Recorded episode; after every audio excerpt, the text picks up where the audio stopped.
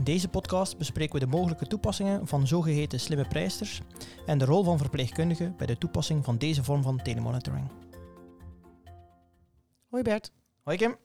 we zijn vandaag in Zwolle bij het Isela en we zitten te praten met Job. Wil je hem aan ons voorstellen? Zeker. Job Lene is verpleegkundig onderzoeker hier in het ziekenhuis. Hij is onlangs gepromoveerd aan de Universiteit van Utrecht op het onderzoek naar draagbare, continue monitoring van vitale functies. Goedemiddag. Ja, goedemiddag. Eh, we hebben het in de introductie al eh, gezegd, je bent onlangs gepromoveerd. Ja, dat is ehm, iets wat niet zo heel veel verpleegkundigen doen. Hoe ben je eigenlijk eh, tot heel dat terecht gekomen tot verpleegkundig onderzoeker? Ben ik wel benieuwd naar.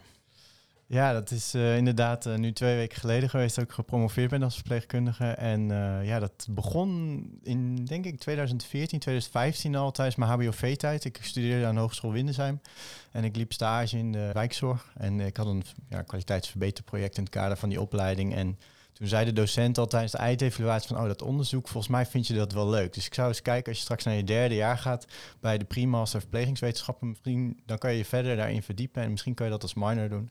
Dus zodoende daarin verdiept en dat leek me best wel leuk. Dus dat heb ik ook vervolgens gedaan in, in mijn derde jaar. Dus ik had het programma iets omgegooid. Dus ik, laatste jaar heb ik eh, mijn derdejaars en mijn vierdejaars stage achter elkaar gedaan om die primas te kunnen gaan doen tijdens mijn HBOV. Die wordt Zo- aangeboden op Nee dat, was, nee, dat was vanuit de Universiteit Utrecht. Oké. Ja, dat klopt. Nee, dat is een universitaire master. Maar ja, Windesheim bood wel ruimte om die te gaan volgen. Want je zit dan een heel jaar lang in Utrecht in plaats van een half jaar, zeg maar één semester. Dus eh, daar eh, heb ik mij verder verdiept. En eh, nou ja, uiteindelijk kwam ik in Isla terecht als verpleegkundige. Daar heb ik mijn afstudeerstage gedaan en op de verpleegafdeling chirurgie begonnen. En zodra ik af was gestudeerd, ben ik in Utrecht begonnen, ook aan de master verplegingswetenschappen. En zodoende eigenlijk parttime gaan werken en parttime studeren. En nou ja, nu een aantal jaar later zo ontwikkeld tot verpleegkundig onderzoeker. En dus ook net het promotietraject afgerond. Ja. En wat was het onderzoek waar je het aanvankelijk mee begon? Waarop de docent zei, nou, volgens mij moet jij onderzoek gaan doen. Ja, dat was een goede vraag, maar dat weet ik nog wel. Dat was over handhygiëne en de compliance daarvan in de thuiszorg. Dus ik, wat ik had gedaan was een, een flesje ha- handdesinfectant geïmplementeerd, want dat gebruikte ze helemaal niet. Je had dan wel zeep, maar ik zeg nou, misschien moet ik gewoon alcohol doen. En uiteindelijk heb ik dat eh, geïmplementeerd. Ieder- Al die verzorgenden en eh, verpleegkundigen meegegeven op de routes. En gekeken van wat, hoe werkt dat nou. En uiteindelijk kan ik me nog herinneren, volgens mij, dat ze die verpleegkundigen niet eens zo heel blij waren. Want het was handalcohol zonder een bepaalde lotion erin. Waardoor al die handen gingen uitdrogen en iedereen met sch- schilfers zat en, en wondjes. Dus uiteindelijk waren ze niet zo heel tevreden naar aanleiding van mijn project. Maar volgens mij hebben ze het wel later met een andere versie het wel nog geïmplementeerd. Dus Ja, ja. en dan, z- dan zie je dat het heel klein is, hè? dat het al zo'n grote verandering kan. Dus ik hoop dat dat ook inspirerend is voor, voor studenten. Van, goh, pak iets op. Heel Ja. mooi. Ja, ja, eens. En dat is voor studenten, maar ook voor verpleegkundigen zelf. En dat is ook wel een van de hoofdboodschappen geweest van mijn promotieonderzoek. Dat verpleegkundigen, in, waar ik onderzoek naar heb gedaan, dus daar gaan we het straks misschien nog wel verder over hebben. Eh, maar dat, dat, dat zij cruciaal zijn eigenlijk om te komen tot succesvolle implementaties. Omdat ze juist die zorgpraktijk zo goed snappen en weten waar de behoeftes liggen van zowel zichzelf als verpleegkundige, maar ook als patiënt zijnde. Dus. Ja. Maar laten we dan vooral niet wachten. Waar, waar ging je, je onderzoek ging met name over eh, telemonitoring, zeg ik het zo goed? Ja, ja. En welke vormen zijn in jouw onderzoek gebruikt van die telemonitoring? Ja, we hebben voornamelijk de focus gelegd op eh continu monitoring eh, met behulp van draagbare draadloze sensoren. Eh, Slimme pleisters worden ze ook wel genoemd. Dus zoals veel ziekenhuizen hebben ermee geëxperimenteerd, zo ook wij in Isla. En ehm, ik zat destijds in het verbeterteam van de verpleegafdeling chirurgie. En toen kwam deze innovatie ook vanuit een krantenbericht, kwam die bij ons op de afdeling. En toen dachten we van nou, dat is wel interessant, zouden we dat niet eens kunnen gaan onderzoeken. Dus eh, we hadden dat in dat verbeterteam ook de ruimte om daar eigenlijk groen kritisch over na te eh, denken. En ik als verplegingswetenschapper net afgestudeerd, vond dat natuurlijk een mooi onderwerp om daar ook onderzoek naar te doen. En zodoende eh, hebben we daar een eerste pilotstudie op ontworpen en dat ook zo in de praktijk gebracht. En uiteindelijk het, het doel van zo'n zo'n slimme pleister is eh, continu vitale functies meten. En de meeste pleisters meten een hartslag en een ademhaling. En doordat je eigenlijk meer meet en, en beter inzicht hebt in de vitale waardes, zouden we hopelijk zo complicaties sneller kunnen herkennen en behandelen. Waardoor de patiënt ook korter in het ziekenhuis ligt. Maar naast dat je ook sneller eigenlijk achteruit kan, kan detecteren, zouden we ook patiënten thuis kunnen monitoren. En zeker als je kijkt naar de ontwikkelingen natuurlijk in het zorglandschap, waarbij het steeds minder in het ziekenhuis moet en steeds meer bij de patiënt thuis. En eh, nou ja, toch op afstand monitoren was dit een mooie ontwikkeling om nou ja, dat ook breder te trekken uiteindelijk tot een promotieonderzoek. En eh, nou zeg je van, god, dat was een slimme pleister en zo. Maar ik kijk, eh, als ik morgen denk, ik, maak een slimme pleister. eh, kan ik dat doen? Of zijn er ook bepaalde voorwaarden waar zo'n pleister aan moet voldoen? En wat zijn die dan? Ja, wij hebben de focus gelegd in onze studies op de, de, de gecertificeerde medical devices, de, de medische apparaten. Dus die hebben al een, een, een toetsing ondervonden vanuit een, nou, het is een heel technisch verhaal, maar vanuit een instantie die daarop mag toetsen dat het valide genoeg is om te meten. Die eisen worden ook steeds strenger wel. Dus je ziet wel dat ook eh, apparaten ook wel klinische studies moeten hebben om te laten zien van ja, het heeft ook het doet wat het moet doen, zeg maar. En dat is een goede zaak, denk ik. Want anders ga je natuurlijk heel veel, misschien wel onzin technologie... of misschien wat jij zelf hebt ontwikkeld, inderdaad... wat misschien nog niet helemaal zo goed werkt... ga je dan bij patiënten gebruiken... wat mogelijk dan ook weer schade kan toedoen. Dus dat is alleen maar een goede zaak dat er nu wat certificeringen zijn... en eh, ja, die dat ondervangen hopelijk, ja. Maar heb je dat in jouw eigen onderzoek ook getoetst? Zeg maar, je hebt natuurlijk een label gekregen, die wearables. Maar heb Mhm. je ook een soort nulmeting gedaan of dat wel klopt wat de, de waarden weergeven? Nee, we hebben eh, het zelf in het kader van mijn promotieonderzoek niet gedaan. We hebben echt gekeken meer in de literatuur van welke onderzoeken hebben dat wel gedaan en in welke mate waar zijn die goed uitgevoerd. We hebben wel eigenlijk eerst een literatuuronderzoek uitgevoerd om te kijken van waar, welke sensoren zijn er beschikbaar op de markt. En eh, zo ja, welke zijn dat dan en hoe goed kunnen die eh, nou ja, vitale parameters meten en eventueel andere eh, meetwaardes. En op basis van die review, die, die literatuuronderzoek, hebben we ook één sensor gekozen om de eerste pilot mee te doen. Dus dat hebben we niet zelf gedaan in het kader van promotieonderzoek, maar wel als zijnde literatuur gekeken en daar kritisch naar beoordeeld of het goed genoeg was. En we hebben in totaal drie verschillende sensoren gebruikt. En eigenlijk elke sensor was al dus gecertificeerd. Dus het mocht al gebruikt worden in de zorgpraktijken. En wij hebben elke, telkens wel gekeken van, oh, is die voldoende accuraat als wij dat stellen als zorgprofessionals? Ja. En, en kun je dan iets zeggen over de, de validiteit, over het algemeen van de, van de wearables en de effectiviteit? Ja, eh, uiteindelijk waar ons doel van het onderzoek was ook om te kijken naar kunnen we het in de dagelijkse praktijk implementeren en zo, ja, als we het kunnen implementeren, wat levert dat dan ook op voor de patiënt? Eh, dus we hebben ook gekeken naar de klinische eindpunten, zeg maar, dus een, een, heropname, dus de opnameduur in het ziekenhuis, het aantal complicaties, dat hebben we allemaal gemeten. En wat we zagen is dat die pleister best goed eigenlijk wel achteruit kan kon detecteren. En dat hebben we ook op grote schaal eh, getest. Dus we zien best wel dat verpleegkundigen naar aanleiding van de trendmonitoring acties uitvoeren. Ehm, maar je ziet wel dat dat nog zich niet helemaal doorvertaalt in echte harde eindpunten. We vonden in één subgroep vonden we echt een verkorte opnameduur. Maar voor de rest vielen die, viel de impact eigenlijk best wel mee. En dat had er ook wel mee te maken dat verpleegkundigen nog niet heel enthousiast waren over de slimme pleister of over de technologie. En dat had een, nou ja, een aantal aspecten ja, hoe zitten verklaar daar. je dat? Ja, Zijn wij zo conservatief met z'n allen? nou, misschien wel. Maar nee, ja, nee, ik denk ook wel dat het deels eh, te wijten was aan de technologie. We zien eigenlijk nog dat die technologie best prematuur is, nog best wel jong is. Veel ontwikkeling ook wel behoeft om het echt daadwerkelijk goed te laten landen in de praktijk. Eh, en dat zit zowel niet zozeer alleen op de accuratesse, want ook daar zie je wel dat er nog wat haken en ogen zitten. Maar het zit met name ook wel in de, in de software die eh beslisondersteunend is aan de verpleegkundigen. Daar zitten nog wel wat uitdagingen. En naast die besliste ondersteuning zie je ook nog wel dat de integraties in het EPD, dus in, in ons HICS-systeem wat wij, waar wij mee werken, dat dat best beperkt is, waardoor je toch als verpleegkundige in dubbele systemen blijft werken. Oh ja, ja. En, en dat, dat is toch belastend. ik kan het zeggen, dat voelt als extra werk. Ja, en zeker ook omdat natuurlijk al die data mo- moet, moet je beoordelen als verpleegkundige. We hebben ook getest met alarmering op. Dus als er afwijkingen zijn, dat ze dan een piepje krijgen. Nou, dat kennen we waarschijnlijk van de IC allemaal wel. De, de alarmmoeheid treedt dan op, de irritatie treedt dan op. Dus uiteindelijk hebben we ook een switch gemaakt naar een alarmerende strategie, naar meer proactieve trendmonitoring, waarbij we gevraagd hebben aan de verpleegkundige om gewoon te kijken naar de trends en juist ook de besluitvorming bij de verpleegkundige te laten liggen. Oké, want Ja. je haalt het al net een beetje op van beslisondersteuning. Wat bedoel Mhm. je daarmee?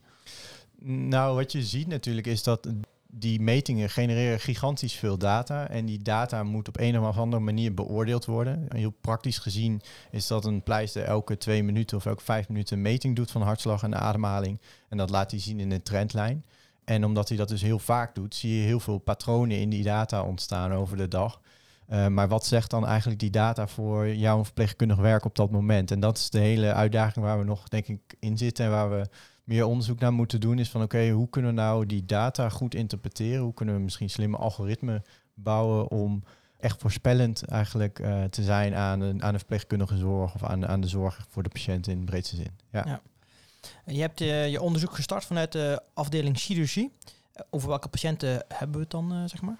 Uh, we zijn uh, met name gestart op de, de hoogrisico uh, patiënten. We hebben wel dus kritisch gekeken van welke patiënten hebben aanzienlijk risico op complicaties. Dus die klinische achteruitgang die daarmee gepaard gaat. En daaruit kwamen we op de buikchirurgie en met name dan de oncologische buikchirurgie. Dus dan hebben we het over de colorectale chirurgie, omdat er een carcinoom zit in de darm. Of dan hebben we het over de HPB-chirurgie, dus dat is gewoon een lever en de pancreas. Ja, en die patiënten hebben we met name geïncludeerd in onze studies.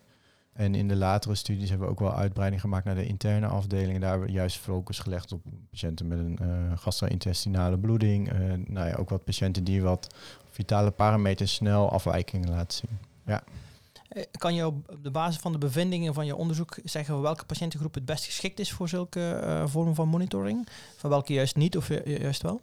Ja, wat wij hebben gedaan is echt die focus gelegd op de hoog risico. Ik denk dat zeker nu nog steeds daar de meeste winst gemaakt kan worden. Ik denk wel dat op termijn, als je kijkt naar de toekomst en dan met een beetje in ons achterhoofd houden dat die technologie steeds beter wordt. Uh, die beslisondersteuning steeds beter wordt en daardoor ook mogelijk uh, het goedkoper wordt. Dan zouden we het eigenlijk misschien wel op elke patiënt uh, kunnen toepassen.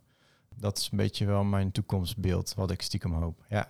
En ook voor de mensen thuis dan? Juist met de mensen, voor de mensen thuis. Ik denk op zich de, de opnames worden steeds korter. En nou ja, zo'n zo'n sensor of iets van telemonitoring kan echt wel bijdragen om die patiënt door het hele, gehele proces te begeleiden. Waarbij die ziekenhuisopname maar een klein deel is eigenlijk. Zou ik wel mooi passen hebben, die autologe stamceltransplantatie in de thuissituatie. Dat ja, precies. We zijn, ja.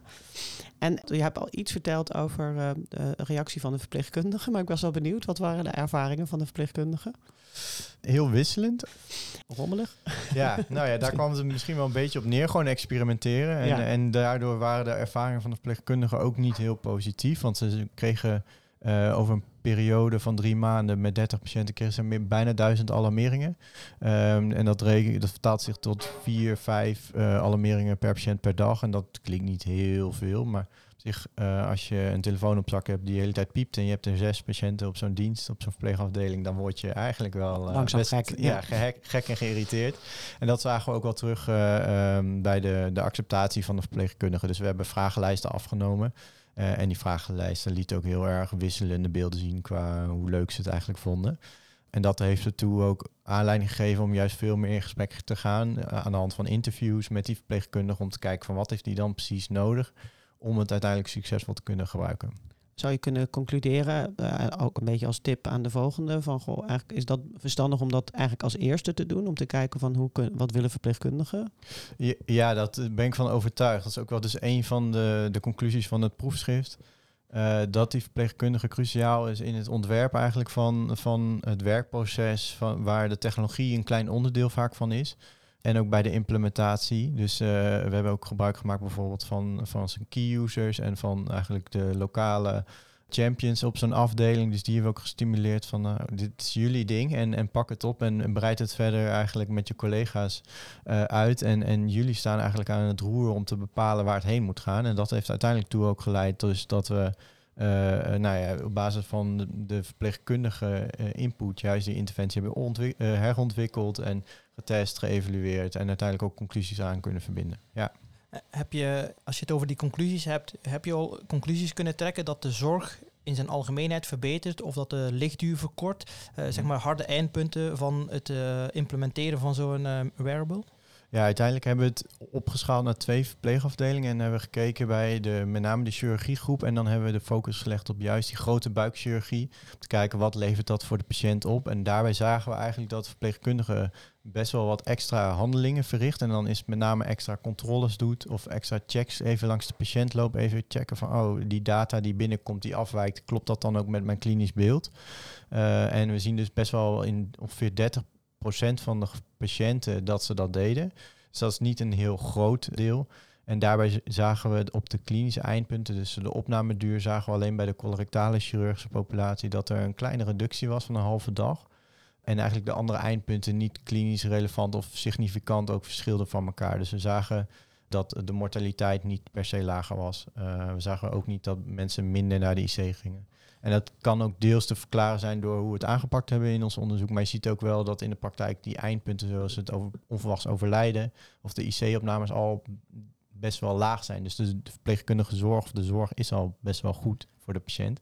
Dus de verbetering of de ruimte tot uh, verbetering is best beperkt. Ja, precies. Je hebt het natuurlijk, je vergelijkt het met een situatie waarin de controle van die patiënt al goed is natuurlijk. Ja. Dus het zou anders zijn mocht je kunnen zeggen van we gaan een bepaalde deel van de zorg naar de thuissituatie verplaatsen en dan kijken of die wearable uh, dat ook uh, goed kan monitoren. Ja. Ja, en dat hebben we uiteindelijk ook gedaan. Dus de patiënten die we in de kliniek eigenlijk vervolgd hebben of gemonitord hebben, die hebben we ook een, een deel daarvan hebben naar huis laten gaan met de pleister. En die hebben we dan vanuit het medisch coördinatiebureau in Isla laten opvolgen. Dus even uit ter uitleg is het medisch coördinatiebureau is een virtuele afdeling van ons ziekenhuis. Bestaat nu bijna twee jaar alweer. Uh, opgezet tijdens de COVID-tijd, waar verpleegkundigen in werken die de patiënten eigenlijk ja, zorg op afstand leveren voor onze patiënten in het ziekenhuis. En zo ook hebben we dat uh, in, uh, in het onderzoek getest.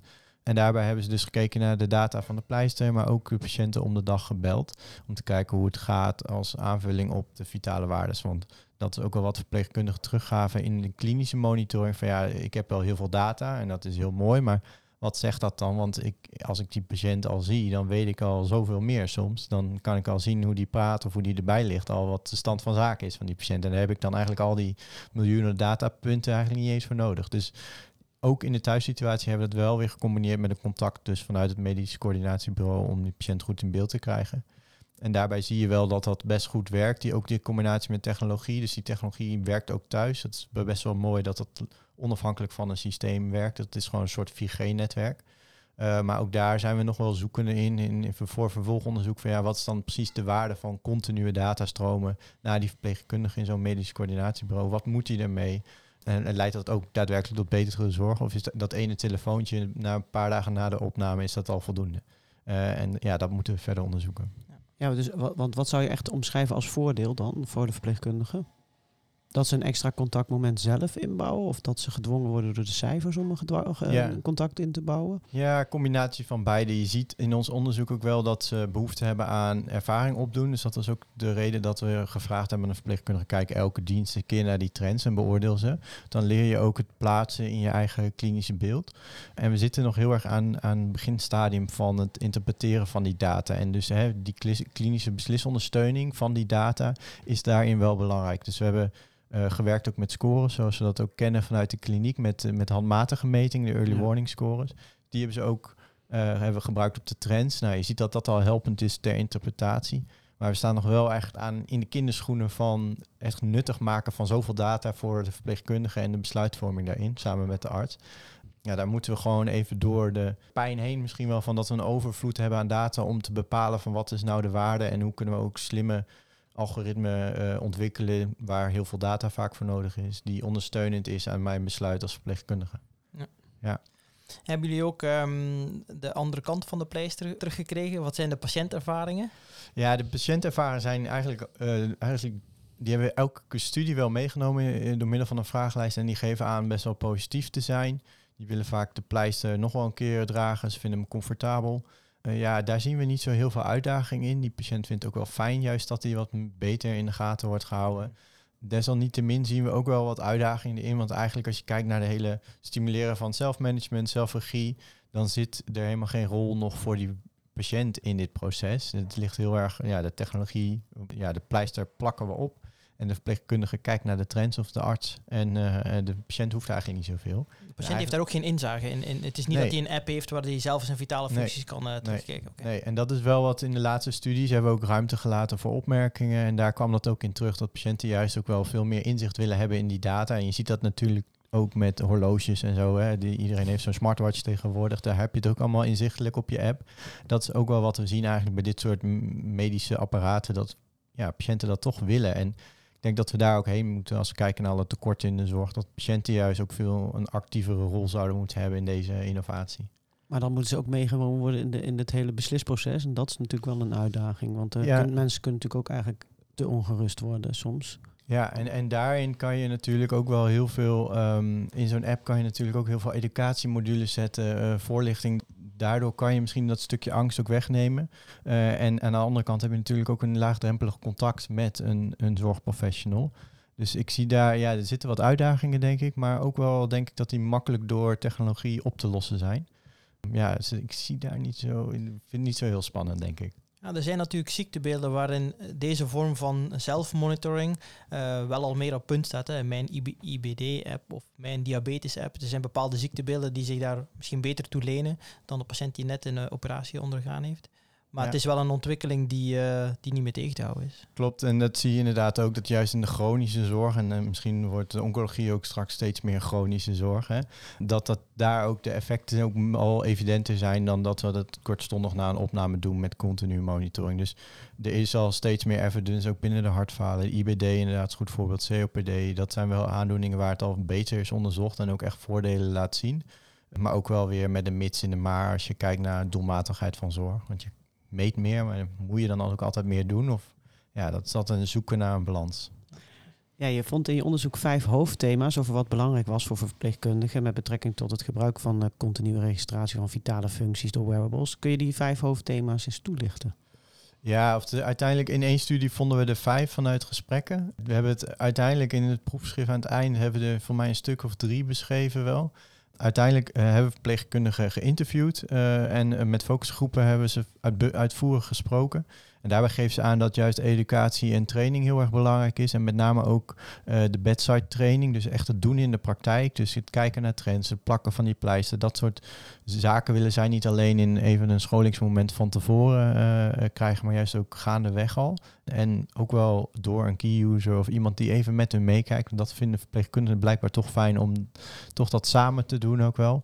Dat is een belangrijk facet. Ik denk ook wel dat verpleegkundigen aangaven van die, die alarmen die aan die trendmonitoring vastzit, dat werkt niet voor ons. Je ziet natuurlijk wel dat het op de IC's heel gebruikelijk is. Hè. De high-care afdelingen, operatiekamers, uh, de monitoring met alarmering. Dan heb je één ja. of twee mensen. Hè? Dat ja, precies. En dat is wel een andere... En die patiënten zijn kritisch zieker. Dus dat is een andere manier van monitoring wat je toepast. Echt patiëntbewaking. En ik denk dat de, de continu monitoring van een verpleegafdeling of thuis niet zo bedoeld is. Die patiënten zijn vaak niet zo ziek. De afwijkingen zijn ook niet zo acuut dat patiënten plotseling overlijden. Dus dat vaak ga, gaat vaak geleidelijk. Dus ook de switch van oké, we gaan reactief naar proactief eigenlijk trend monitoren. Dat was ook wel een grote switch wat verpleegkundigen belangrijk vonden. En dat is denk ik zijn de twee belangrijkste dingen. Ja. ja. Dus eigenlijk noem je vanaf het begin eigenlijk van de, de verpleegkundige moet meer actief betrokken worden ook. Ja, en dat is essentieel, denk ik. Hè. Je ziet gewoon dat de technologie wordt ontwikkeld en dan wordt de eindgebruiker relatief laat in het proces was betrokken bij die ontwikkeling. En dan zie je dat er een mismatch is tussen de behoeftes van de praktijk en wat de, technologie kan doen. En dat is wel een, soort brug die we aankomende jaren veel meer moeten slaan tussen de samenwerking tussen commerciële partijen of start-ups die nou ja, nieuwe wearables of iets van ander soortig telemonitoren ontwikkelen. En daarbij de zorg juist op een goede manier eigenlijk al vroegtijdig betrekken. En juist die wisselwerking, dat is nog wel een uh, mooie uitdaging voor de komende jaren. En wat is dan je oproep aan de verpleegkundigen? Of verpleegkundige specialisten natuurlijk ook? Nou, ik denk vooral dat ze ermee aan de slag moeten gaan. En, en gewoon gaan experimenteren met een, kritische grondhouding van wat is dan eigenlijk wat het in potentie kan opleveren voor mij als uh, professional, maar ook voor de patiënt in het kader van doelmatige zorg. Vooral het gaan doen, denk ik. En daarbij wel een kritische grondhouding hebben met een handreiking naar toch de, de commerciële partijen die heel innovatief willen zijn en, en bezig zijn met nieuwe technologieën. En daar de samenwerking op de juiste manier weten te vinden. Ja. Ja, dus vind je eigenlijk dat verpleegkundigen ook actiever naar moeten zoeken, naar die samenwerking? Nou ja, niet per se dat, dat de verpleegkundige dat altijd zelf kan of moet doen. Maar altijd denk ik wel, natuurlijk in het ziekenhuis uh, bijvoorbeeld heb je echt wel ondersteunende afdelingen zoals een ICT-afdeling of medische technologie daarbij, die daarbij kan helpen. Maar uiteindelijk weten verpleegkundigen volgens mij best goed wat ze wel en niet willen in hun eigen werk. En daarin die rol vertolken, dat is wel een belangrijke. Dus eigenlijk aan de, de basis staan van hoe moet de technologie in ons werk passen en, en dat eigenlijk bepalen. Ja. Daar eigenlijk ook meer leiderschap tonen, hoor ik jou bijna zeggen. Ja, 100 procent. Ja. Mm niet, uh, niet achterover wachten totdat je overkomt. En hoor ik je ook een beetje zeggen, durf een beetje meer? Ja, ik denk dat we als verpleegkundigen soms op de afdeling toch een beetje inderdaad over ons heen laten komen, de ontwikkelingen, terwijl we volgens mij zelf daar heel erg aan het roer kunnen staan als verpleegkundige. Dus ik, ja, ik denk dat dat um, belangrijk is. Maar ik, ik, als ik kijk naar wanneer ik ben begonnen in 2016 als verpleegkundige en waar we nu staan, zie ik al wel een ontwikkeling dat dat natuurlijk steeds belangrijker is geworden en steeds meer verpleegkundigen dat ook stokje ook oppakken. Ook vanuit de organisatie is er natuurlijk veel meer aandacht voor. Maar ja, dat is een langzaam proces van gedragsverandering. En dat ja, ja. ja. duurt even. maar ik vind de zin uh, verpleegkundige pak het roer vind ik wel een mooie afsluiter ook. Zeker. Ja. Dankjewel. Ja. Dankjewel. Dank voor het luisteren naar onze podcast. Vond je deze podcast interessant? Luister dan ook de andere afleveringen en raad hem aan bij je collega's. Heb je zelf een goed idee voor een onderwerp? Wil je dat we een keer bij jou langskomen? Neem dan contact op via de website www.servier.nl.